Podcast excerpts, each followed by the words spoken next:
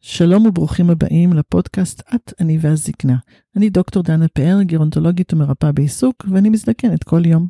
ואני יעל חביב, מטפלת רגשית לבני הגיל המבוגר, וגם אני מזדקנת כל יום. והיום אנחנו מארחות את אה, רן ניסן, רוקח קליני בבית חולים בלינסון ובבית חולים גריאטרי שיקומי בית רבקה, ויושב ראש המערך הקליני בארגון הרוקחות בישראל.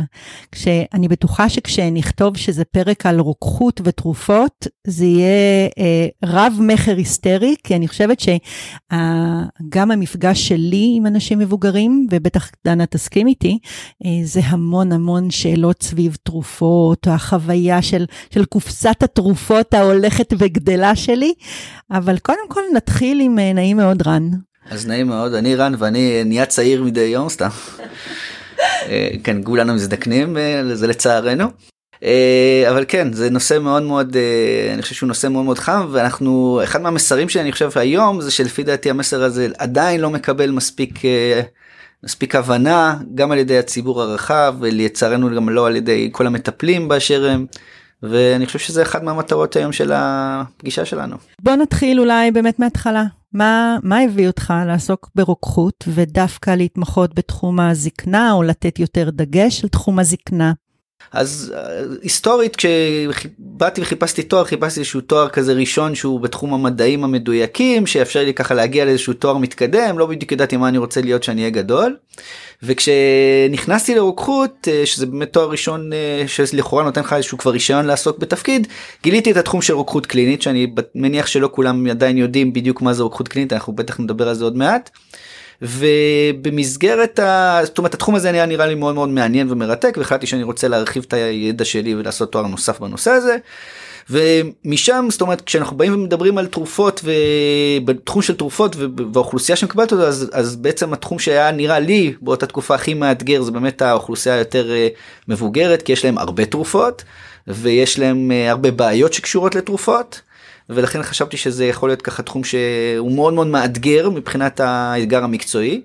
מעבר לזה גם בפן האישי אני יש לי זיכרון ככה לפני לצע, לצערי לפני שסבא שלי זיכרונו לברכה נפטר הוא ככה בשלבים ה...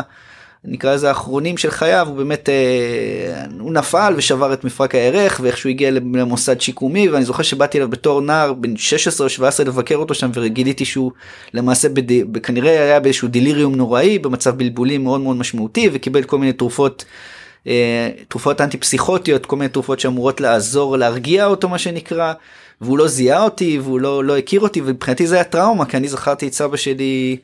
אה, איש חד הוא היה ממש הוא היה משכמו ומעלה היה סגן אה, סגן אה, זאת אומרת בטכניון בתפקיד מאוד מאוד בכיר ואיש באמת מדהים ומבחינתי זה היה טראומה אז אמרתי לעצמי שאני רוצה להיות שם אולי לנסות לעזור לאנשים אחרים שלא יגיעו לשם בתקווה. אני רוצה לשאול מה הקשר שלך בעצם, אפילו ברמה של היום יום, עם אנשים מסכנים, כי הרוקח שאני פוגשת נמצא מאחורי הדלפק, רוב העבודה שלך היא בסידור תרופות, כאילו אני לא יודעת. אז זהו, אז פה את בעצם נוגעת למה התפקיד שלי או מה שונה, מה, מה התפקיד שלי כרוקח קליני שונה מאשר רוקח אה, שרובנו מכירים באמת הדלפק, אז אה, אני למעשה עשיתי תואר נוסף זה עוד שלוש שנים נוספות מעבר לתואר ראשון ברוקחות שזה נקרא באמת תואר דוקטור ברוקחות קלינית שלמעשה נותן לי ידע נוסף ומורחב לתת ייעוץ תרופתי באשר הוא שזה אומר ייעוץ תרופתי אה, וזה בעיקר הדגש שלי באמת יותר, יותר ייעוץ תרופתי למטפלים אה, לרופאים לצוות הסיעודי וכן הלאה אבל אה, מה שאני מה שאני כמובן במסגרת הידע שנוסף שרכשתי אני כמובן גם יודע יודע לעשות גם ייעוץ תרופתי למטופלים ואני עושה את זה דרך אגב גם פה במסגרת בית רבקה יש לי מרפאת אה, מרפאה לייעוץ תרופתי שאני מגיעים אליי אנשים באופן פרטי היום לצערי זה עדיין פרטי כדי לקבל אה, לקבל ייעוץ. ומה שאני בעצם עושה או להבדיל באמת מרוקח שאנחנו נפגשים איתו על הדלפק אני באמת עושה התעמקות מאוד מאוד משמעותית בטיפול התרופתי של המטופל. עובר יחד עם המטופל על כל התרופות שלו, על שקית התרופות שלו, רואה שהוא לוקח את כל התרופות כמו שצריך, אה, בזמן הנכון, אה, שאין איזשהם התנגשויות או אינטראקציות בין התרופות שלו, שאין תופעות לוואי שאולי המטופל לא, המטופל או המטפלים שלו לא זיהו שהיא תופעת לוואי תרופתית שמפריעה לו. רואה שלא חסרה תרופה מסוימת שהיא מאוד מאוד חשובה שיכולה למנוע מחלה או, או לשפר את איכות החיים שלו. אה, וככה הלאה, זאת אומרת אני מנסה לטייב מה שנקרא את הטיפול התרופתי, למקסם אותו כדי להשיג את התוצאים האפקטיביים ביותר של הטיפול שאפשר להשיג בתקווה אצל אותו מטופל ואני עושה את זה או, או כמובן מול המטופל עצמו או שאני מייעץ מאחורי הקלעים לפעמים אה, זאת אומרת למטופלים אפילו לא יודעים למשל שמאושפזים בבית חולים אני מייעץ מאחורי הקלעים לרופאים לשנות אה, את, הטיפ, את הטיפול במידת הצורך אם וכאשר. שאלה ככה פתאום שעולה לי סטטיסטית או מספרית מספר התרופות עלה מתחילת הלימודים שלך ועד היום? זאת אומרת, אם פעם היו נאמר 300 אה, תרופות שהיו מאופיינות לגיל הזקנה, היום יש 1,200 אה, תרופות שמיועדות, או, או שיש קומבינציות, או אה, איך זה עובד שם בעולם ה... אז, אז נתחיל מזה שזה לא רק מאז שאני התחלתי, זאת אומרת, כשמסתכלים על היסטורית, אז כל, כל מדי שנה כל הזמן יוצאות עוד ועוד ועוד ועוד תרופות חדשות לשוק, אין ספור. כמובן שכשניתנות תרופות הן לא יוצאות רק לגיל השלישי, ניתנות לאוכלוסייה הכללית, אבל כולנו עם תהליך הזקנה רוכשים מחלות, רוכשים מחלות, מקבלים עוד אה, תרופות שאמורות למנוע או לטפל באותן מחלות, ולכן התשובה היא כן, אנחנו רואים בהחלט עלייה מאוד משמעותית בכמות התרופות לאורך השנים, גם במגוון שלהם, גם בכמות המטופלים שמקבלים את אותן תרופות, גם בגיל שלהם שכמובן הולך ועולה, וזה באמת אה, אתגר אה, גדול. בתרופה יש משהו נורא טרנדי. כאילו, עכשיו כולם לוקחים את התרופה הזו, או עכשיו כולם, יש משהו ככה נורא של, אה, של שיח חברתי של איזה תרופה הכי חמה עכשיו. נכון, זה קצת כמו כל דבר אחר, זה כמו, כמו איזה סרט עכשיו הכי טוב, או איזה מסעדה עכשיו קיבלה את הביקורות הכי טובות. וזה להבדיל דרך אגב מהדברים האלה זה קצת זה לפי דעתי מסוכן הטרנד עולה תחום הטרנד בתרופות כי תרופות הם באמת משהו שכבר מאוד מאוד משפיע ישירות על הבריאות תרופה מסוימת לא בהכרח מתאימה לכולם וגם תרופה שלפעמים אנחנו מאוד מאוד חושבים שתעזור למטופל מסוים אנחנו פתאום להפתעתנו מגל, מגלים שהיא עושה אולי אפילו יותר נזק מאשר uh, תועלת. לצערנו אנחנו לא יודעים מלכתחילה מי המטופל שהכי ייהנה מטיפול x או, או מתרופה y. וזה הרבה הרבה הרבה פעמים באמת ניסוי וטעייה וניסוי וטעייה עלול להיות בעי, מאוד מאוד בעייתי במטופלים מסוימים uh, במיוחד דרך המטופלים קשישים יותר. כן, באמת בפייסבוק אפשר למצוא שיח לא פעם בקבוצות של איזה תרופה הוא מקבל, ואולי גם אני אבקש את זה וכדומה. אתה יכול לומר לנו מבחינה סטטיסטית מה הממוצע התרופות שאדם מעל גיל 65 נוטל? יש על זה ספרות ממקומות שונים בעולם. אני יכול להגיד לכם שהנתונים האחרונים שאני מכיר בישראל, זה נתונים שפורסמו בדוח מבקר המדינה בשנת 2011, על שנושאו היה טיפול מרובה תרופות בקשיש, נתונים למעלה מעשר שנים, אבל כבר אז ראינו שלפחות הוא הציג שם טבלה מאוד יפה המבקר שבדק את הנושא ולמשל בקופת חולים כללית שזו הקופה הכי גדולה ואולי הכי זקנה אז במטופלים מעל גיל 75 שם הוא החליט להתייחס על גיל 75 ומעלה הוא ראה שמעל שליש מהמטופלים בקופת חולים כללית צורכים מעל 8 תרופות ויותר. לדוגמה נתונים אחרים מספרים מהעולם גם כן מראים שלפחות מעל אם מסתכלים מעל גיל 65 אנחנו קצת יורדים בגיל אז uh, מעל uh, מעל 50 אחוזים צורכים מעל 5 תרופות ואו תוספי תזונה בנוסף. אבל זה משתנה וזה באמת עולה כמו שכבר גם דיברנו עליו מקודם זה עולה גם הזאת הולכת ותעלה ותעלה ומחריפה עם השנים בגלל כניסה של תרופות נוספות. איך אנחנו ביחס לעולם? הישראלים הרי הם אה, הכי צרכנים בעולם, כאילו יוצאת חולצה, כולם קונים את החולצה, יוצא אוטו, כולם קונים את האוטו, יוצא תרופה, כולם קונים את התרופה. אז לשמחתנו, אה, או לא, אנחנו מיד נחשוב על זה, בישראל יש יחסית סל תרופות מאוד מאוד רחב אה, שזה דרך כלל משהו שלא קוראים לא רואים אותו למשל בהרבה מדינות מערביות. אם אני למשל מסתכל על ארצות הברית כאיזשהו מודל שאנחנו מחקים אותו אז לשמחתנו כל מה שקשור למערכת הבריאות אנחנו לא רוצים כן, לחכות כן, את ארצות כן, הברית. אבל לכאורה אני אומר כן שם אין אה, למשל סל תרופות אז תרופות הרבה יותר יקרות אז אז לכאורה אתה אומר יכול לבוא ולהגיד שאנשים שיש להם פחות אמצעים רוכשים פחות תרופות בארצות הברית ופה בגלל שיש סל יחסית רחב. יש לנו הרבה מאוד אנשים שיכולים להיכנס או לקבל את התרופות במסגרת הסל הזה מקבלים באמת את התרופות כי הן לא יקרות ומסובסדות ולכן אני חושב שבישראל דווקא אנחנו ב... אם אני מסתכל על זה כסמן שלי שבאמת כמות התרופות בישראל לעומת מדינות מערביות טיפוסיות אז אני חושב שאנחנו המטופלים שלנו אצלנו מקבלים יחסית לפחות על הנייר עוד פעם לא כולם מטופלים לוקחים את התרופות שהם רושמים להם שזה בעיה אחרת. לפחות על הנייר רוב המטופלים שלנו מקבלים אה, הרבה תרופות ביחס למדינות אחרות. אוקיי, okay, אז יש את המונח פוליפרמסיה, ששכיח יותר ככל שאנחנו אה, עולים בגיל. אני אשמח שתסביר מה זה בעצם. אז פוליפרמסי באנגלית בלעז ובעברית תופעת ריבוי התרופות. זה למעשה מצב שבו אם נגדיר אותו בצורה מאוד מאוד פשוטה מצב שבו אני מקבל יותר זאת אומרת תרופות שחלקן לא מה שנקרא לא נאותות עבורי או לא מתאימות עבורי או באמת עושות יותר נזק מתועלת עבורי. אז לכן גם כשאומרים פולי פרמסי מה זה ריבוי תרופות? אם אני מקבל 8 תרופות אני בבעיה הזאת. אם מקבל 10 תרופות 13 תרופות מה המספר שאומר שאני סובל מבעיה מהבעיה הזאת? אז התשובה היא שאין באמת מספר. כי לכאורה יכול להיות מטופל שמקבל 3 תרופות ששתיים מתוכם לא באמת הוא כבר לא צריך. הוא לא צריך כי אולי היה צריך אותם פעם והיום כבר לא. או שאולי אחת מהן מאוד מאוד עושה עושה המון המון תופעות לוואי שיכולות להיות מאוד בעייתיות ורצוי להפסיק אותה. לכן אז מספר התרופות עצמו הוא לא הוא לא סמן הוא כן מעיד על כך שאולי אתה בבעיה. זאת אומרת כן יש גם כן נתונים מהספרות הרפואית מדברים על לפעמים מספרים של 5 תרופות ומעלה 8 תרופות 10 13 אין ספק שככל שאתה לוקח יותר תרופות גדל הסיכוי שאתה כן מטופל עם הבעיה הזאת כי, כי יכול גדל סטטיסטי הסיכוי שאתה לוקח תרופה שאתה לא באמת צריך או שהיא בעייתית עבורך. אני מכירה הרבה אנשים אה, ככה שאני פוגשת אותם שאומרים לי תקשיבי אני אני יודע מתי אה, להוריד. אתמול לקחתי כדור אחרי אני מוריד לעצמי את המינון של התרופות את התרופה הזו אני כבר יודע שאני לא צריך. כאילו אנשים שעושים הרבה פעמים בגלל ריבוי תרופות איזושהי דיאגנוזה עצמית לסל התרופות שלהם. ומה בעצם הסכנה פה, או מה הבעייתיות שיכולה להיווצר, כי אני שומעת, הם אומרים, אני מרגיש טוב, אז למה אני צריך לקחת את ה... אז אז זה גם כן בעיה עוד פעם ברגע שאתה לוקח תרופות לא בצורה מושכלת זאת אומרת אה, בגלל שאתה חושב שאתה יודע זה יכול להיות מאוד בעייתי אחד יכול להיות שאתה טועה במה שאתה חושב. שנית יש תרופות מסוימות שאם אתה לא לוקח אותם אה, לפי, ה, אה, לפי הנחיות או מחליט להפסיק אותם בבת אחת זה יכול להוביל לכל מיני תופעות לא רצויות למשל יש מה שנקרא תסמונת גמילה תרופות מסוימות שכשאתה לוקח אותם תקופה ממושכת באופן קבוע ופתאום מפסיק אותם באופן חד יכולות לגרום לך כל מיני תסמינים לא. אה, לא רצויים לדוגמה זה יכול להיות חרדה פתאום איזשהו בעיות שינה תופעות נוספות בלבול וכן הלאה זאת אומרת צריך להיות מאוד מאוד זהיר ולא לא לטפל או לא לקבל החלטות בתחום הטיפול התרופתי בלי שאתה מקבל ייעוץ תרופתי מסודר מרוקח רופא אה, אחות וכן הלאה לא לעשות את זה על דעת עצמכם. יחד עם זה, אני חייבת להודות שלפעמים אני מסתכלת על קופסאות כדורים שבויות של אה, מטופלים שלי, והם אומרים, את זה קיבלתי מהקרדיולוג, את זה קיבלתי מאנדוקרינולוג, את זה קיבלתי מה... אורולוג, אה, את זה קיבלתי בכלל, זאת אומרת, לכאורה נראה שכל אוטוריטה שומרת על, על סל הכדורים שלה, ואני רוצה לשאול אותך איפה באמת ההתכתבות בין כל הכדורים ובין כל התחומים. אז, אז זה באמת אחת מהבעיות, שאתה בסופו של דבר צריך שיהיה case manager.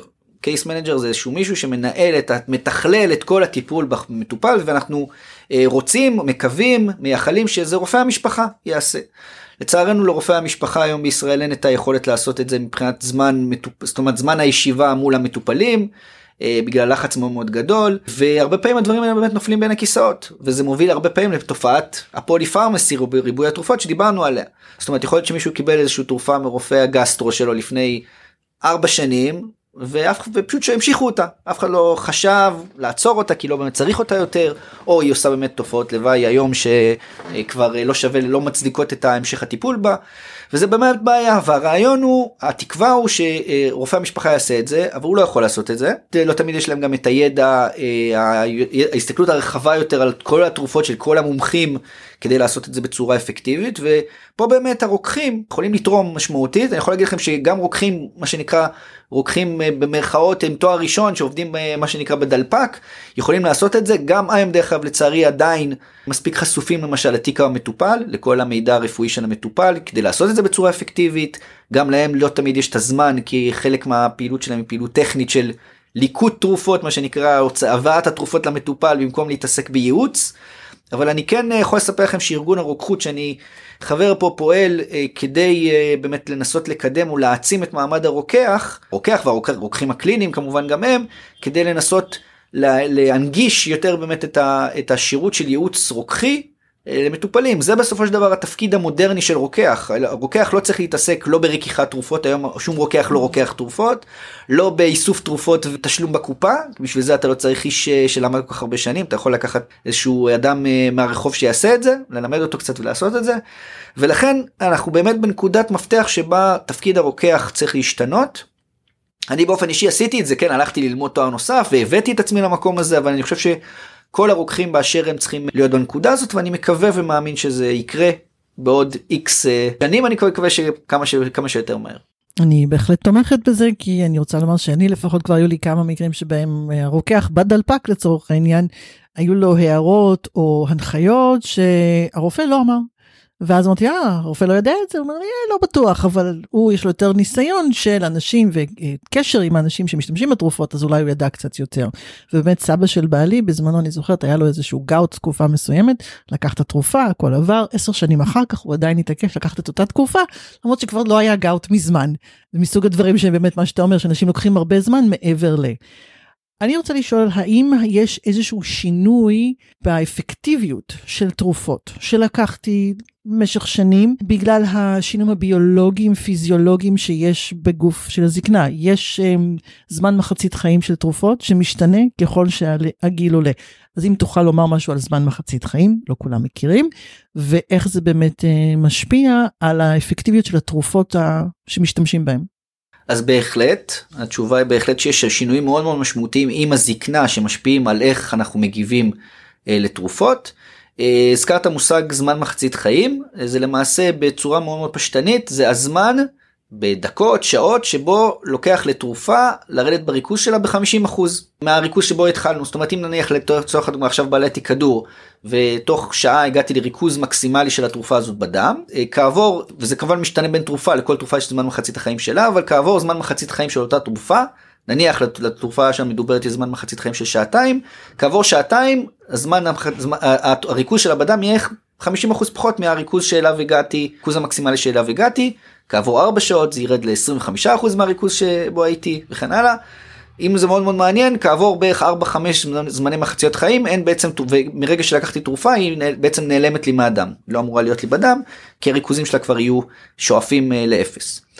זה לגבי השאלה על מה זה זמן מחצית חיים עכשיו מבחינת השינויים הפיזיולוגיים אה, שבאמת רואים הגיל עם הזקנה מתרחשים המון המון שינויים בכל מיני רקמות ואיברים שקשורים אה, אה, למה שנקרא לאלימינציה, לפירוק ולהוצאה של תרופות מה, מהגוף. דוגמה קלאסית זה הכליות שלנו, הכליות זה איבר מאוד מאוד מרכזי שאחראי על בעצם הפרשה של תרופות מהגוף. ועם הגיל התפקוד הקהילתי יורד. מה שצופה, מה שמביא לכך שהרבה פעמים הריכוזים של תרופות מסוימות שמופרשות דרך הכליות אה, עולה ככל שאנחנו מזדקנים כי הכליות פחות עושות, פחות עושות את עבודתן. מה המשמעות של זה שכמובן אנחנו צריכים לעשות התאמות מינונים של תרופות מסוימות אה, עם הגיל אבל זה לא רק הכליות באופן כללי בכלל אה, אה, אה, יש אנחנו רואים שינויים גם אה, שמתרחשים ברמה של ספיגה של תרופות אה, דרך מערכת העיכול ממקומות אחרים דרך האור וכן הלאה. אנחנו רואים אה, שינויים באיך שתרופות מתפזרות בגוף מרגע שמגיעות לנו לזרם הדם, איך הם בעצם לאיזה רקמות הן עוברות ונשארות נשארות יותר או פחות. אנחנו רואים כמו שאמרתי שינויים במטאבוליזם בפירוק של תרופות למשל גם בכבד שהוא איבר עיקרי שאחראי על פירוק של תרופות וכן הלאה ובסופו של דבר כל השינויים האלה בגדול גורמים לכך שמרבית התרופות שאנחנו לוקחים נוטות יותר להצטבר באנשים קשישים לעומת אנשים צעירים יותר. ככה שלדוגמה אם אני אדם בן 50 אה, ולוקח כבר תרופה מסוימת נניח 10 אה, שנים ואני ממשיך לקחת אותה תרופה באותו מינון גם לגילאי ה-70-80 שלי סביר להניח שהתרופה הזאת היא כבר אה, עשויה מאוד מאוד יש סיכוי מאוד מאוד גדול שהיא תביא לתופעות לוואי בגיל המבוגר כי הריכוזים שלה פשוט יעלו אם אני אמשיך לקחת אותה באותו מינון שאני הייתי רגיל לקחת כל חיי לצורך העניין. אחד הדברים שמטרידים לפעמים מבחינת המינונים אפילו זה שבעצם הניסויים הקליניים שנעשו על התרופות שיש לנו היום נערכו על בעיקר גברים לבנים צעירים. גם נכון? זה בעיה. זה בהחלט בעיה מה שאת מדברת עליו אה, אין ספק שכדי שתרופה ואני ככה אתן רקע קצר כדי שתרופה תיכנס לשימוש היא צריכה לעבור מחקרים קליניים ובמסגרת המחקרים הקליניים אה, בדרך כלל לוקחים אוכלוסיות של חולים באותה מחלה שעבורה בודקים את אותה תרופה היסטורית מרבית המחקרים שאנחנו מסתכלים על שבוצעו באוכלוסיות הם באמת אוכלוסיות יחסית יותר צעירות או יותר בריאות לאו דווקא המטופלים שאנחנו רואים היום או פוגשים אה, אה, בני זאת אומרת שהם באמת יותר מבוגרים שלוקחים יותר תרופות שסובלים מיותר מחלות. ככה שזה מגבלה כי אנחנו מסיקים ממחקר שמראה שתרופה יעילה למשל בבני 50-60 על אנשים שאולי אה, בני 70-80 ועוד פעם אמרנו זה לא, זה לא, זה לא, אותו, זה לא אותו בן אדם, זה לא אותם אנשים. זה בהחלט מגבלה, מה שעוד פעם מביא אותנו לכך שלפעמים אנחנו מאוד מאוד רוצים לטפל במטופל, נותנים לו את התרופה מתוך תקווה אמיתית שהיא תעזור לו, אני מדבר על בן אדם קשיש, אבל אז מגלים להפתעתנו שהיא לפעמים עושה יותר נזק מתועלת, והחוכמה פה זה באמת, או המסר פה זה לאו דווקא לא לתת את הטיפול, שבאמת אתה מאמין שיעזור, אלא להיות יותר, לשים לב, לתת תשומת לב יותר לניטור. אה, אחרי התגובה, אחרי תופעות לוואי, אה, להסביר למטופל מה, למחרי מה הוא צריך לשים לב ומה לעשות אם קורה X או Y, צריך להיות פשוט יותר, להיות מה שנקרא, בסופו של דבר אנשים קשישים הם קצת יותר, קצת כמו, במרכאות קצת כמו תינוקות, אנחנו צריכים להיות, לתת להם תשומת, יותר תשומת לב בהקשר של הטיפול התרופתי שלהם, כן, אני מדבר מהבחינה הזאתי, זה משהו שכולנו צריכים לעשות, כל מי שמטפל ו... או מטופל בעצמו.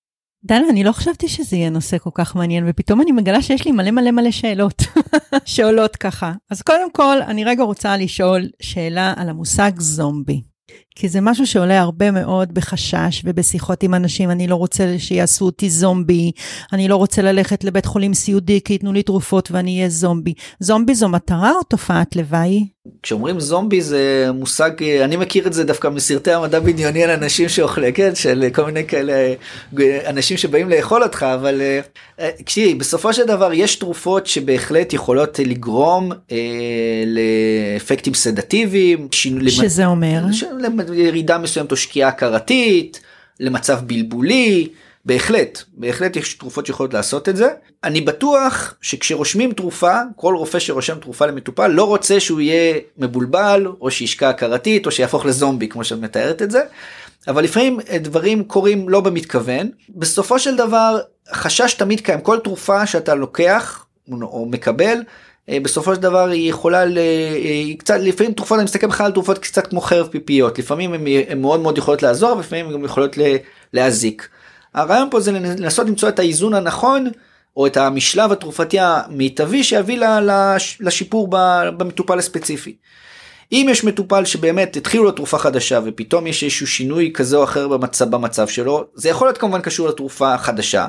זה יכול להיות גם קשור למחלה חווה המטופל. אני אתן לך דוגמה פתאום מטופל חווה אירוע מוחי. אז האירוע המוחי יכול לגרום לו לשינויים התנהגותיים או ש... כזה או אחר עכשיו זה כמובן בגלל המחלה החדשה לאו דווקא בגלל תרופה שהתחילו לו סביב האירוע המוחי. החוכמה פה זה לנסות באמת גם לאתר או האומנות פה זה לנסות לאתר מה הסיבה שהובילה לשינוי הזה ואם זה תרופות אז כמובן להפסיק אותם אם, אם זה תרופה רלוונטית נפסיק אותה אז בהחלט אנחנו נצפה לראות שיפור כלשהו במצב. לא תמיד לצערנו זה לא תרופות הם לא כל הסיבה לזה שאנשים נהיים זומבים. יש עלייה אה, בשימוש בתרופות פסיכיאטריות בגיל המבוגר. אני אני אומרת הנחה אה, מוכרת. נכון, הנחה... בהחלט בהחלט כי כי בסופו של דבר אה, אנשים בגיל המבוגר כחלק מתהליך הזקנה אנחנו רואים הרבה יותר באמת רעות של חרדה. דיכאון זה דברים תופעות שהן בהחלט מאוד מאוד שכיחות יותר ועולות בשכיחותן בגיל המבוגר ובאמת לא מעט מהם מקבלים תרופות שיש להם אפקט אה, פסיכיאטרי שאנחנו רואים הרבה יותר בעיות שינה שזה באמת אחת מהבעיות המובילות בגיל הקשיש ובעיה מאוד מאוד קשה כן בהחלט. אני רוצה לדבר רגע על מה שנקרא compliance. שזה בעברית אה, היענות, היענות לטיפול, נכון? אני חושבת שקראתי כבר כמה מחקרים שאומרים שאחת הבעיות המרכזיות בהקשר של תרופות זה לא שהרופא נותן יותר מדי, אלא שהמטופלים, ה compliance שלהם הוא מאוד נמוך. יש מחקרים שמדברים אפילו על 10% אה, היענות לטיפול כמו שצריך, ובעצם הקושי בשימוש בתרופות קשור לכך שאנשים לא משתמשים בהם כראוי. אני אומר שלפני כמה שבועות פגשתי את משפחה שסיפרה לי שהם, אה, הרופא המליץ על איזשהי טיפול תרופתי והם נתנו אותו והם לא ראו שיש שיפור אז הם הפסיקו, הם נותנים את זה באופן ספורדי. אמרתי להם זה לא כמו אקמול שלוקחים ומצפים לחצי שעה אחר כך שתהיה איזושהי אה, הטבה, אלא לוקחים את זה ברצף כדי לשמור על רמה בדם ואנשים לא יודעים את זה. אז באמת מה אתה מכיר מההקשר הזה של ההיענות? אז, אז כמובן שאני אפתיע, בטח לא אפתיע אף אחד מהשומעים אם אני אגיד שאם אתה לא לוקח תרופות הן לא עוזרות. לא, לא, רק אני... שיהיה ברור, כן. כן, כמו שאם אני אה, אה, לא ממלא לוטו אני לא אזכה. כן, תרופות צריך לקחת אותן אה, אה, לפי הנחיות, לפי אה, הצורה שבה אה, הודרכת לקחת אותן, אם זה עוד פעם על ידי הרופא או הרוקח. כי אחרת אתה לא תשיג את המטרות הרצויות, אולי אפילו כמו שציינת, אולי אפילו ת, תעשה יותר נזק מתועלת, במקרה של נטילה ספורדית או אה, לפי הצורך. אני גם מכיר אנשים שאמרו, כשאני מרגיש קצת מדוכא אני לוקח את התרופה נוגדת הדיכאון שלי במקום אה, לקחת אותה על בסיס יומיומי קבוע כדי למנוע את ה, באמת את ההתפתחות של דיכאון או את ההחמרה שלה. אבל אם זה עוזר לו זה נהדר. מה אם אתה לוקח לפי הצורך? כן, אם, אם אני לוקחת תרופה לדיכאון, וכל, על, על סמך תחושת בטן אישית שלי, אני שואלת, ו, וזה עוזר לי, כי כל פעם שאני לוקחת את התרופה, פ, פעמיים בשבוע, ארבע פעמים, פעם בשבוע, וזה עושה לי מצב רוח נהדר, כאילו הפלצבו, בעצם מה... מה... אז, אז אולי יש פה גם אפקט פלצבו, אבל יש פה גם בעיה, הזכרתי מקודם שאת הסיפור הזה של תסמונת גמילה. אז אחד מהתרופות, משפחות התרופות שעושות תסמונת גמילה זה תרופות נוגדות דיכאון. זאת אומרת, יכול להיות מצב שבו אני, אם אני לא אקפיד לקחת את התרופה הזו כמו שצריך, אני אחווה תסמיני גמילה, שאני לא תמיד בכלל אייחס אותם לעצם זה שזה תסמיני גמילה, אני לא אבין שזה תסמיני גמילה אה, ברמת המטופל, ולכן אם אתה סובל למשל מדיכאון ואתה מתחיל לקחת תרופה, תרופה לדיכאון אז תיקח אותה כל יום כמו שצריך כדי שלא גם שהדיכאון כמובן בתקווה שלא יהיה תסמיני דיכאון אבל גם שלא תפתח תסמיני גמילה שיכולים אפילו לפעמים להידמות קצת בחלקם לאיזושהי אה, החמרה מסוימת בדיכאון שלך. למה לתרופה פסיכיאטרית לוקח כל כך הרבה זמן להתחיל לפעול? אנשים הולכים הרבה פעמים באמת לקבל איזושהי תרופה פסיכיאטרית מתוך איזושהי מצוקה מאוד מאוד גדולה, ואז אומרים להם זה ייקח שישה שבועות ככה עד, שה... עד שהכדור ייספג ועד שתתחילו, ואנשים מבוגרים יש להם פחות אה, אה, זמן או, או רצון לשאת את, את, את הכאב והסבל. אז זה נכון, לצערנו אין לנו אה, מה שנקרא תרופה של זבנג וגמרנו, שאנחנו ככה לוקחים ותוך שנייה הכל מסתדר. יש כל מיני שינויים שאמורים להתרחש ברמת, אה, ברמת כל מיני מסלולים במוח, שינויים שארוכי טווח בכל מיני קולטנים, כל מיני רצפטורים אה, לכל מיני אה, חומרים שבסופו של דבר מקושרים למצב הרוח שלנו, למצב הרוח שלנו שהם לוקחים זמן ולכן מרבית התרופות שיש לנו לדיכאון אנחנו בהחלט צריכים להיות סבלניים, להבין שאנחנו נקבל אפקט בתקווה תוך מספר שבועות ולצפות לכך עכשיו אפרופו אם אנחנו לוקחים תרופה נוגדת דיכאון ואנחנו לא רואים שום שיפור אחרי סתם לדוגמה חודש, משהו כמו חודשיים אולי אפילו שלושה יכול להיות שאנחנו התרופה הזו פשוט לא מתאימה לנו. יכול להיות שאנחנו צריכים להחליף תרופה כי הנה זו תרופה לדוגמה שאם אני ממשיך לקחת היא לא נאותה היא לא עושה את התפקיד שלה ואני סתם לוקח אותה ויכול להיות שהיא רק תעשה לי תופעות לוואי. באמת זה מסוג התרופות שיש באמת ההיענות הנמוכה ביותר בגלל העניין הזה של צריך זמן. אוקיי, אז תרופות אה, מפוקחות על ידי משרד הבריאות, ועוד איכשהו יש איזה הנחיות מאוד מאוד ברורות. בוא נדבר רגע על תוספי מזון. שפייר, הבנתי שזה לא בדיוק נחשב, ל... זה לא נחשב לתרופה, זה לא בפיקוח כמו תרופות, והרבה מאוד אנשים זקנים לוקחים מלא, כי הם שמעו שקורנזים 10 וקורקומין, יש אוסף אינסופי של אפשרויות, לא מספרים לרופא. ולא מספרים לרוקח. משוכנעים שזה עוזר ועובד וזה בטח לא עושה משהו רע, כי זה טבעי. אז אחד בוא נדבר רגע על הטבעי לעומת סינתטי, ומה הגוף חושב על זה. ובאמת מה אנחנו צריכים איך אנחנו צריכים להתייחס לנושא של אה, תוספי מזון מה היית ממליץ לאנשים שמקשיבים לנו. אז באמת תוספי מזון זה חלק, חלק מהטרנד שדיברנו עליו גם מקודם, זה משהו מאוד מאוד בעייתי בעיניי. תראו, בסופו של דבר, חשיבה של משהו טבעי הוא יותר בטוח או יותר טוב, היא חשיבה מוטטת. אני יכול להגיד לכם שחלק מהתרופות הכי חזקות שיש לנו היום בשוק הן תרופות שמקורן בצמחים. דוגמאות זה מורפין, דיגוקסין, שזו תרופה לטיפול באריתמיות, בהפרעות קצב, ועוד ועוד. זאת אומרת, יש לנו באמת תרופות, זה שזו תרופה שהיא הגיעה מצמח זה לא אומר שהיא באמת יותר בטוחה, או אה, יותר אפקטיבית. בגדול תוספי תזונה באמת זה עולם מאוד מאוד רחב, יש תוספי תזונה שיש עליהם יותר מחקרים קליניים שהראו יעילות או מועילות באוכלוסיות מסוימות. תן דוגמה, אנחנו יודעים שאנשים שסובלים מאוסטופורוזיס, בריחת עצם, מה שנקרא בריחת סידן מעצם, יש, יש להם המלצות לקחת סידן, כי סידן הראה שמפחית בנטילה כרונית לאורך זמן, מפחית את ההתקדמות של המחלה. או כנ"ל גם ויטמין D לדוגמה בהקשר הזה. אה, מנגד יש תוספי תזונה שהם פחות פחות אה, בעצם מבוססים או אה, יש אה, כמה מחקרים קטנים שכן אולי מראים איזושהי יעילות במצב מחלה X או מצב מחלה Y, אבל עדיין לפעמים הטרנד מנצח, הפרסום מנצח ויש הרבה ככה באז סביב אה, תרופות מסוימות. אני מאוד מאוד לא בעד תוספי תזונה, לא, גם כן, שנלקחים לא בצורה מושכלת, מפוקחת או בייעוץ של איש מקצוע מוכר, כי גם תוספי תזונה יכולים לגרום לתופעות לוואי, לאינטראקציות בין תרופתיות, זאת אומרת לפגיעה ב... אה, ביעילות אה, של תרופות אחרות שאולי אותו מטופל לוקח.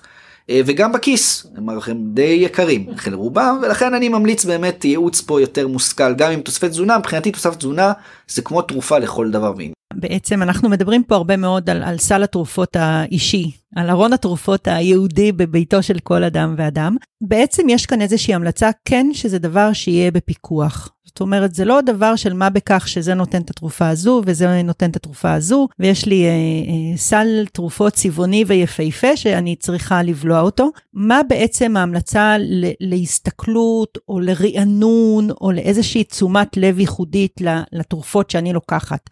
פעם בשנה, פעם בשנתיים, למי אני באמת יכולה לפנות אם יש לי שאלות? זאת אומרת, משהו באמת יותר קונקרטי. אז, זהו, יש פה כמה המלצות בהקשר הזה. ראשית מה שאני ממליץ זה שכל אחד ואחד באמת ינהל הייתי אומר לנהל לעצמו מעין איזושהי טבלת תרופות כזאתי על אה, דף נייר מסודרת שבה הוא כותב לעצמו את כל התרופות שהוא לוקח ותוספי התזונה את המינון שהוא לוקח למה הוא לוקח אותה. חשוב מאוד מאוד שהמטופל יבין בשביל מה הוא לוקח את התרופה הזאת כי כשאתה הרבה פעמים כשאתה בא למטופלים ושואל אותם למה אתה לוקח את התרופה הזאת? הוא אומר לך אה נתנו לי אותה לפני 20 שנה הרופא אמר לי ואתה מנסה לחפור ולראות אם יש מצב מחלה שבשבילו נדרש, או שבאמת אינדיקציה, סיבה אמיתית, אתה לא מגלה. לפעמים החולה היה לו סתם קצת איזשהו צרבת, נתנו לו תרופה ועכשיו ממשיך אותה 20 שנה. זה קורה המון. אז מה שאני אני מציע כן לנהל איזשהו מעין, אה, מעין טבלת תרופות אישית כזאת, שבה באמת אתה יודע או מבין אה, למה אתה לוקח, אתה רושם לעצמך למה אני לוקח את התרופה, אתה רושם לך גם מי נתן אותה, מי רשם לך, מי רשם את אותה תרופה, הנחיות מיוחדות איך לקחת אותה, זאת אומרת עם אוכל בלי אוכל אה, שעה לפני אוכל וכו' וכו' זה כבר עושה לך סדר זה עושה לך סדר ברמה האישית של אוקיי יש פה זה זה התרופות שאני צריך לקחת ואיך לקחת אותם ולמה הן ניתנות זה משהו שאני חושב שכל אחד כדאי שיהיה לו כי הוא יכול לשתף את הטבלה הזאת עוד פעם עם אנשי מקצוע אחרים עם הרופא המטפל עם רוקח שהוא פוגש.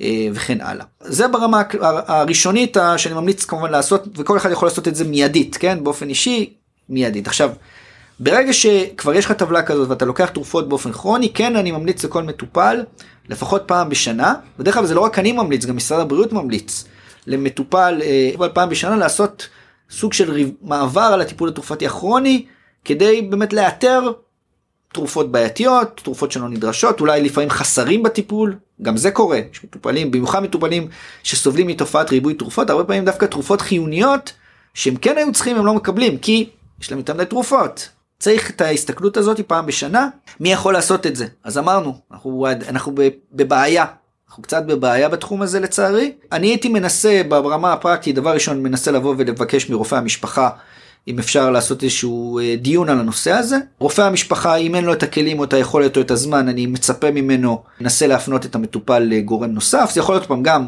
התייעצות עם רוקח, אולי אפילו רוק, רוקחי שנמצאים בדלפק. יש כן רוקחים בקופות החולים שיכולים לפנות זמן לעשות את זה. גם הם לא תמיד בצורה הכי מעמיקה שיש, אבל יותר טוב משהו מאשר כלום. ובשאיפה אנחנו כן רוצים לראות שמטופלים גם מגיעים לראות רוקחים, אם זה רוקחים קליניים או אה, רוקחים שיש להם יותר ניסיון בנושא, למפגשים שהם קצת יותר ארוכים. אני למשל כשאני עושה מפגש עם מטופל זה בדרך כלל מפגש סביב שעה. אני יושב שעה עם המטופל, תראו לי לאיש מקצוע שיש לו את הזמן לעשות את זה, אה, שעה וזה באמת, זו פעולה לא טריוויאלית כי יש פה באמת המון, המון מידע שצריך לאסוף גם מהמטופל, גם מהתיק. לתכלל אותו, לקבל החלטות וכמובן לנסח את המסר הלאה למטופל, לרופא המשפחה, אם צריכים לעשות שינויים כאלו ואחרים בטיפול התרופתי. וזה מה שאני אה, ממליץ, זאת אומרת, אז אם נסכם את זה, לעשות טבלת תרופות, לראות שאנחנו מבינים למה אנחנו לוקחים כל תרופה ותרופה ואם היא אפקטיבית, אם אנחנו גם מרגישים שהיא עוזרת לנו, לשאול את עצמנו את השאלה הזאת, או איך אני יודע שהתרופה באמת עוזרת לי בכלל, ולגשת עם זה לאיש מקצוע שכן יעשה את הרוויזיה הזאת לפחות פעם בשנה. עכשיו יש במערכת הממוחשבת שרופא נותן לי את התרופה, יש לו כל מיני קונטרה אינדיקציות והתנגשויות בין תרופות, אז עדיין אתה חושב שיש אה, לא מעט מצבים שבהם אנשים מקבלים תרופות שהן בהתנגשות? כי גם אם הלכתי לקרדיולוג, זה מופיע בתיק הרפואי שלי בקופת חולים. הרופא משפחה או האנדוקרינולוג שאני אלך אליו, זה אמור להופיע לו שאני כבר לוקחת משהו שלא כדאי לקחת ביחד. אז זה נכון שיש כל מיני מערכות תומכות החלטה, אני קורא לזה, מערכות שבאמת אמורות אה, לעבוד ברקע בתיקי החולה הממוחשבים בקופות החולים, ואמורות להתריע לרופא כשהוא למשל רופא רושם נניח תרופה חדשה, שאין איזושהי אינטראקציה בין תרופתית. שימי לב פה הדגש פה הוא רק על אינטראקציה בין תרופתית זאת אומרת זה מערכות שכן רק אולי בודקות האם פוטנציאל יש פה איזשהו סיכון בשילוב של תרופות כאלו ואחרות אני יכול להגיד לך שהרבה פעמים לא תמיד או למרבית האינטראקציות האלה הם בהכרח משמעות קלינית זאת אומרת לא בהכרח הם יתרגמו למשהו שהוא מאוד מאוד שיש איתו משהו שצריך לשנות בהכרח בטיפול התרופתי של המטופל לחלק מהרופאים כשהם רואים אינטראקציות כאלה הם לא יודעים מה לעשות איתם אה, גם כי לפעמים עולה להם שאלה ואז גם הם בתורם רצוי שיהיה להם מישהו שייעץ להם בנושא הזה. לפעמים אני יכול להגיד לך שגם לפעמים גם מתעלמים מההתראות האלה. גם זה קורה. מערכות תומכות החלטה כשמה כן הן תומכות החלטה. הן לא הן לא בודקות איך המטופל לוקח את התרופה. אם הוא מסתדר איתה אם משהו מפריע לו אם יש לו תופעת לוואי אם יש לו שאלות על הטיפול התרופתי תהיות מחשבות זה מערכות תומכות החלטה. עדיין צריך מישהו שישב מפגש אחד על אחד ידבר עם המטופל וינסה באמת לדלות את המידע הכי אמין שעוד פעם המערכות מערכות המחשוב הנוכחיות לא מסוגלות לעשות את זה. אולי יהיו מסוגלות אבל כל הזמן מדברים איתנו עכשיו על ה-AI על ה-artificial intelligence על מערכות שייכנסו ויחליפו את כולנו עדיין הם לא עדיין הם לא הם לא יחליפו את המפגש המגע האנושי אני חושב שהוא מאוד מאוד חשוב גם במפגש עם רוקח. יש בארצות הברית עכשיו בתחום הגריאטריה איזושהי נקרא לזה תנועה של de-prescribing, של לצמצם את מספר התרופות. זאת אומרת, יש לא מעט גריאטרים שמדברים על זה שצריך לעשות את זה, ונכתבו מחקרים ומאמרים בהקשר הזה. אתה קולט את זה גם קורה בארץ? התשובה היא כן, זאת אומרת, כחלק מההסתכלות הרחבה על הטיפול התרופתי, צריך להיות, הרבה פעמים צריך לעשות פעולות של de-prescribing. אני יכול להגיד לכם שאני עושה את זה לא מעט פה גם במסגרת, במסגרת מקומות, מקומות העבודה שלי, זאת אומרת, כשאני עובר על מטופלים, אני ממליץ לרופאים, אה, שימו לב החולה הזה לוקח את התרופה הזו והזאתי, אולי היא בעייתית, בוא נתחיל להוריד אותה, בוא נתחיל להפסיק אותה, לפעמים בהדרגה, אבל בוא נתחיל להפסיק אותה, ו- וזה, דרך אגב לפעמים יש פה גם קשיים, כי לפעמים גם המטופלים עצמם, כשאתה בא ואומר להם, בוא בוא ננסה יש פה איזושהי תרופה שאתה כבר לוקח 20 שנה בוא נתחיל להוריד אותה יש לפעמים התנגדויות התנגדויות מצד המטופלים שאומרים אני כבר רגיל לזה מה אני כבר רגיל לזה הגוף שלי רגיל לזה מה אני עכשיו פתאום אפסיק את זה זה, זה יש פה אתגרים גם בהקשר של ביצוע ה deprescribing כמו ש... ואז כשמורידים להם את זה אז הם גם מתחילים לפתח כל מיני תסמינים שהם לא אני חייב להחזיר את זה דוקטור אני צריך את התרופה. אני מסכימה איתך השאלה שלי היא האם אתה רואה שהרופאים בארץ שותפים להלך הרוח הזה או שיש פה עדיין איזושהי השתקעות והתקבעות במה שהיה תמיד. אז עוד פעם אני חושב שבהחלט יש יותר קבלה של זאת אומרת. אני יכול להגיד לך מהניסיון שלי שבתור מישהו שעובד עם רופאים, אה, יש בהחלט הרבה פעמים בשמחה ומאוד מאוד אה, התלהבות מזה שיש לצורך העניין מישהו כמוני שיכול לייעץ להם ולעזור להם בהקשר הזה כי עוד פעם לצערי לא תמיד יש להם את הזמן אה, או את הידע או את המיומנות לעשות את זה בעצמם יש להם כמובן ידע עצום ומיומנות אחרות שלי אין כל אחד אנחנו בסופו של דבר כל מקצוע יש לו את הייחוד שלו. אני חושב שבהחלט יש קבלה זאת אומרת התלהבות גדולה מצד רופאים כשמישהו בא ואומר להם בוא בוא תסתכל זאת אומרת מהניסיון שלי בסך הכל רוב רוב הרופאים כן מאוד מאוד אה, שמחים לקבל אינפוט אה, על הטיפול התרופתי של המטופלים שלהם במיוחד בהיעדר זמן כמו, כמו שאמרנו אם דיברנו על רופאי משפחה בקהילה על במיוחד בהיעדר זמן שיש להם לעשות הסתכלות אה, נרחבת כזאת בעצמם. יש לי שאלה שאולי קצת פוגעת בנושא האתיקה, אבל ככה אני, היא מעסיקה אותי מאוד. אה, באמת הרבה פעמים על המלצות שנותנים לאנשים מבוגרים לקחת איזשהו כדור קצת למצב רוח טוב, ככה באמת קצת לרומם את רוחם, אה, והם מאוד מאוד מתנגדים. האם רופא חייב לדווח איזה כדור הוא נותן לחולה? זאת אומרת, יש פה חובה של, של מי שנותן את הכדור להגיד מהו כל כדור, או שאני יכולה, או כרופא אתה יכול להגיד, אני ממליץ לך על כדור זה וזה, אני לא אשאל מה זה, אתה תגיד לי זה יעשה לך טוב, ו- ושנינו נהיה, נחיה עם זה בשלום. כי הרבה מאוד משפחות אומרות, אולי אני אתן את הכדור הזה ואני אגיד שזה סוכרזית, או אני אתן את הכדור הזה ואני אגיד שזה ויטמין, מתוך אמונה שזה באמת יכול לעזור, אבל הבן אדם מאוד מאוד מתנגד לקחת את הכדור הזה. אז מה שאת מדברת על בעצם אה, אנשים קשישים שלצורך העניין נניח דוגמה בני, משפחה חשבים חשים שסבא בדיכאון ורוצים להציע לו תרופה והוא מתנגד זה בעצם מה שאת מדברת. הרופא נתן המליץ על תרופה פסיכיאטרית סבא מתנגד והילדים חושבים כי גם הם צורכים אותה והם יודעים כמה זה טוב אה, והם חושבים שאולי הם יכולים כן לתת אותה אה, באופן עקיף. אני פחות אוהב את זה.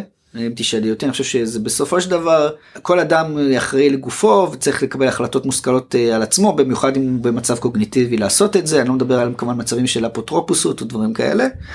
אני גם חושב שבמידה מסוימת ברגע שבן אדם אה, מבין למה הוא צריך לקחת תרופה, הוא גם ייקח אותה. אם הסבא חושב שהוא לוקח אה, סוכרזית והוא לא מבין למה נתנו לו אותה, אז אולי הוא יפסיק את הסוכרזית באיזשהו יום כי סתם לא בא לו לקחת אותה.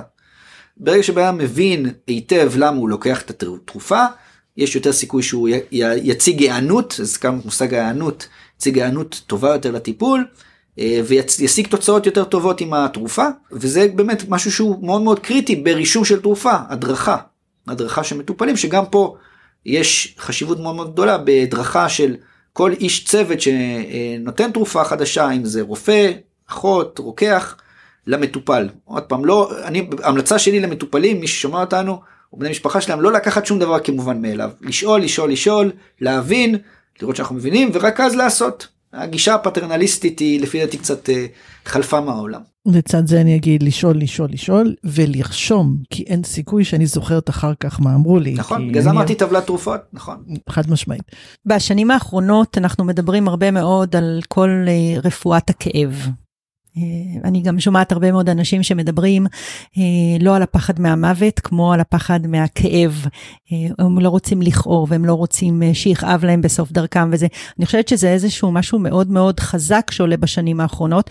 אתה יודע להגיד, אתה יכול להגיד לנו משהו על, על כל תרופות הנוגדות כאב שהן לא אקמול, אופטלגין ואדוויל? גם פה יש איזה נושא לשיחה שלמה, אני חייב להגיד. תרופות לכאב יש לנו באמת כל מיני משפחות יש לנו את התרופות האנרגטיות הפשוטות שהזכרת שזה אקמול אופטלגין נורופן איבופן וכו' וכו' וכו' אבל אה, הן באמת הרבה מיועדות לטיפול אה, בדרך כלל בכאבים יותר קלים. או שחלקם אנחנו גם לא יכולים לתת לטיפול לתקופות ממושכות כי יש להם תופעות לוואי בעייתיות. ובאמת יש מטופלים במיוחד מטופלים קשישים שסובלים מכאבים כרוניים שאתה צריך למצוא להם איזשהו מענה. כאב כרוני הוא בעייתי כי הוא גם מביא לפגיעה תפקודית פגיעה נפשית וכן אנחנו רוצים בשאיפ, בשאיפה שאנשים יחיו עם כאב שהוא נסבל. בארסנל הטיפול בכאב יש לנו תרופות באמת יותר חזקות כמו תרופות משפחת האופיואידים מה שנקרא זה תרופות דמויות מורפין אה, שיש להם באמת אפקטים מצוינים על כאבים אבל יש להם עוד פעם אמרנו תרופות חרב פיפיות יש להם גם תופעות לוואי מאוד מאוד בעייתיות במיוחד בקשישים ולכן אנחנו נמצאים בבעיה זאת אומרת אני, אני אגדיר את זה כך מטופל ש, שסובל מכאבים כרוניים אה, בהחלט אנחנו צריכים לתת לו מענה. אנחנו לפעמים יכולים וצריכים לתת גם תרופות משפחת האופיואידים ולפעמים לפעמים אפילו קנאביס רפואי אפרופו הנה צמח מרפא ש... זאת הייתה השאלה הבאה שלי. כן, צמח מרפא שלפעמים אה, שככה גם הוא צובר אה, טרנד ופופולריות עכשיו אפשר לתת קנאביס לכל דבר וזה פנצע תרופה שמרפאה הכל אבל זה לא המצב כמובן אני אומר את זה בציניות. אנחנו בבעיה אבל הרעיון פה עוד פעם שמטופלים שיש להם כאבים כרוניים. אה, בהחלט אפשר לשקול לתת להם תרופות משפחת האופיואידיות ואולי גם אפילו קנאביס רפואי לחולים נבחרים במיוחד חולים דרך אגב שסובלים מכאבים על רקע מחלות אה, ממירות סרטן מה שנקרא שהם מטופלים שבהם צריך להיות אולי קצת יותר אגרסיביים לטיפול לכאב אבל כל מטופל הוא, הוא, הוא גם כמובן מגיב בצורה שונה לכאבים או תופס כאב בצורה שונה כאב כמובן תחושת הכאב היא סובייקטיבית לחלוטין. ואנחנו צריכים לתפור את הטיפול הנכון ביותר למטופל אחרי שכמובן גם ננסה בדרך מדרגות טיפוליות פשוטות יותר. תמיד נתחיל עם תרופות אנלגטיות יותר פשוטות. אם המטופל אה, לא מגיב מספיק נשקול להתקדם עם תרופות קצת יותר חזקות. אה, עם המינון נתחיל עם מינונים יותר נמוכים ואז אולי נעלה בהדרגה למינונים יותר, יותר גבוהים וכן הלאה. מה שהכי חשוב זה ניטור, ניטור, ניטור, לנטר, להיות במה, עם היד על הדופק, לראות איך התרופות משפיעות, לראות שלא מתפתחות תופעות לוואי, וזה המסר, עוד פעם, גם אחד מהמסרים החשובים שצריך לקבל אחריות, אנחנו כמטופלים, צריכים לקבל אחריות על הטיפול התרופתי שלנו, לא פחות מהמטפלים, אה, אולי אפילו יותר, כדי אה, לשים לב שאנחנו אה, מקבלים את הטיפול הכי נכון מבחינתנו. אני מאוד מקווה שיאשרו את המהלך של הרוקחים הקליניים בקרוב, כי זה נשמע לי שירות חיוני ובאמת יש חסך גדול מבחינת להגיע לרופאים, וכמו שאמרת, לרופאים אין מספיק זמן, וגם במידה לא מבוטלת, לא מספיק ידע באופן uh, ספציפי. Uh, ועכשיו אנחנו לקראת סיום. רצית להקריא משהו? אז כן, יש לי, האמת שהתבקשתי למצוא איזשהו קטע שקשור לתרופות ולזקנה, ועוד בעברית, שזה היה באמת אתגר uh, גדול. אני יכול להגיד לכם שחיפשתי והסתכלתי בגוגל רבות. רגע, אני רוצה לציין שאתגר מוחי זה חלק ממה שאנחנו עושות, אז זה היה לטובתך. אז החלטתי בסוף שאני טוב אה, מעין איזה שירון קצר. השיר הזה עוסק במה שנקרא מפל רישום. אנחנו לא דיברנו על מפל רישום, אני אגיד שתי מילים על מה זה מפל רישום. מפל רישום זה תופעה, מצב שקורה כל הזמן, שבו אנחנו מקבלים תרופה אה, שעושה לנו נניח איזושהי תופעת לוואי, וחוזרים איתה לרופא, או אולי אפילו לרופא אחר, שלא מזהה שזו תופעת לוואי תרופתית, ורושם לנו תרופה חדשה שאמורה לטפל בסימפטום החדש, בתופעת הלוואי שבעצם התפתחה לנו, וכן הלאה וכן הלאה. אז עכשיו החלטתי לרשום שיר קצר על מפל רישום. אה, אז שיר זה מאת אה, רן ניסן, אני מקווה שתאהבו אותו, הוא שיר מאוד קצר. אז ככה, תיקח אמר לי הרופא, אז לקחתי. וכשהתחיל לגרד לי בבטן, הוטרדתי. ביקור חוזר אצל הרופא, וישועה מצאתי. כדור נוסף, ורוד הוספתי. אך בגללו יותר מדי נרדמתי. ואז נפלתי, שברתי, אושפזתי, הסתבכתי. אלוהי הפרטים הקטנים, מדוע לא עצרתי? נו, עכשיו אנחנו גם מגלות משוררים אה, רדומים. אז רן הוא לא רק אה, יושב ראש איגוד אה, הרוקחים, המערך הקליני. המערך הקליני, הוא גם משורר בפוטנציה. בהחלט, אני מבוזבז בתפקיד שלי. אנחנו מאחלות לך שזה יהיה ההתחלה של קריירת השירה הנוספת, במקביל לעשייה המאוד חשובה שאתה עושה כרוקח קליני ובמסגרת האיגוד. אה, תודה רבה רן, היה מרתק. אני חושבת שהיה גם פרק מאוד חשוב לכל המאזינים שלנו, ואנחנו אנחנו אישית תומכות במהלך, וכמו שאתה תמשיך אה, להוביל אותו במהרה ובימינו. תודה רבה. תודה רבה, ועד הפעם הבאה.